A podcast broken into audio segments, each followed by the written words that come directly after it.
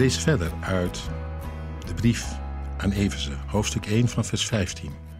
En we hoorden van genade, vergeving, maar dat niet alleen, ook de geest die ons gegeven is, die in ons, ons woont. Om ons leven te vernieuwen, steeds meer. Dat we gaan lijken op onze Vader in de hemel. Echt als een kind van Hem zichtbaar worden.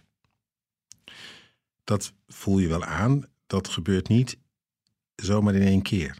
Daarom gaat Paulus erop door en schrijft vanaf vers 15: Daarom, ook omdat ik gehoord heb over uw geloof in de Heer Jezus en over uw liefde voor alle heiligen, dank ik God onophoudelijk voor u en noem ik u in mijn gebeden. Mogen de God van onze Heer Jezus Christus, de Vader in al zijn luister, u de geest schenken die inzicht geeft in wat geopenbaard is, opdat u Hem zult kennen.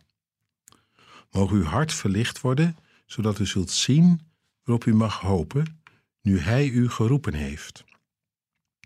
Hoe rijk de luister is van de erfenis die de heiligen van Hem ontvangen, en hoe overweldigend groot de krachtige werking van Gods macht is voor ons die geloven.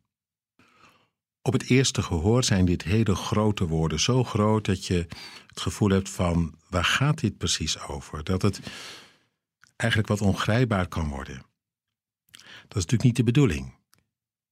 Integendeel. Paulus die is erop uit om juist te laten zien dat datgene wat God in Christus wil doen door de kracht van zijn geest, dat het enerzijds heel bijzonder is, maar anderzijds ook iets is van gaandeweg ontdekken. Hoor maar, hij dankt voor wat er is gegeven, dat ze leven uit die bron van genade, dat ze leven door de kracht van de geest, maar hij zegt, het komt er nu op aan dat je steeds een beetje wijzer wordt. En daar bid ik voor. Mogen de God van onze Heer Jezus Christus u de geest schenken die inzicht geeft in wat geopenbaard is, opdat u Hem, Jezus, zult kennen. Er valt nog een hoop te leren. Gewoon door op Jezus te letten, gericht te raken op Hem, Zijn manier van omgaan, Zijn manier van praten, Zijn manier van doen en laten. Laat er ruimte zijn in je leven om je door Hem te laten inspireren, door Hem te laten gezeggen, ook door Hem te laten weer spreken. Ook als Hij dwars tegen jouw gevoel in zegt: Volg mij.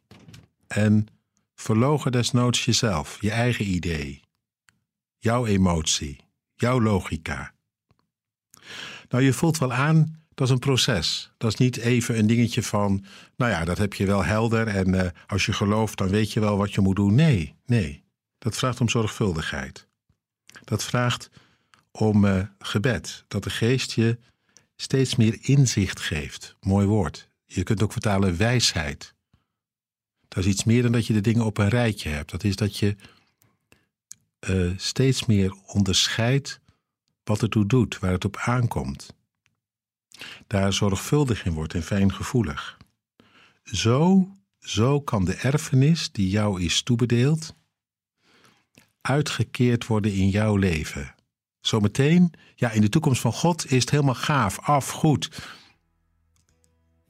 Maar hier en nu kan het door de geest stukje bij beetje al een beetje gaver worden.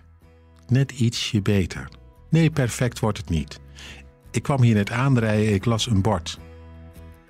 Perfect is goed, maar goed is beter.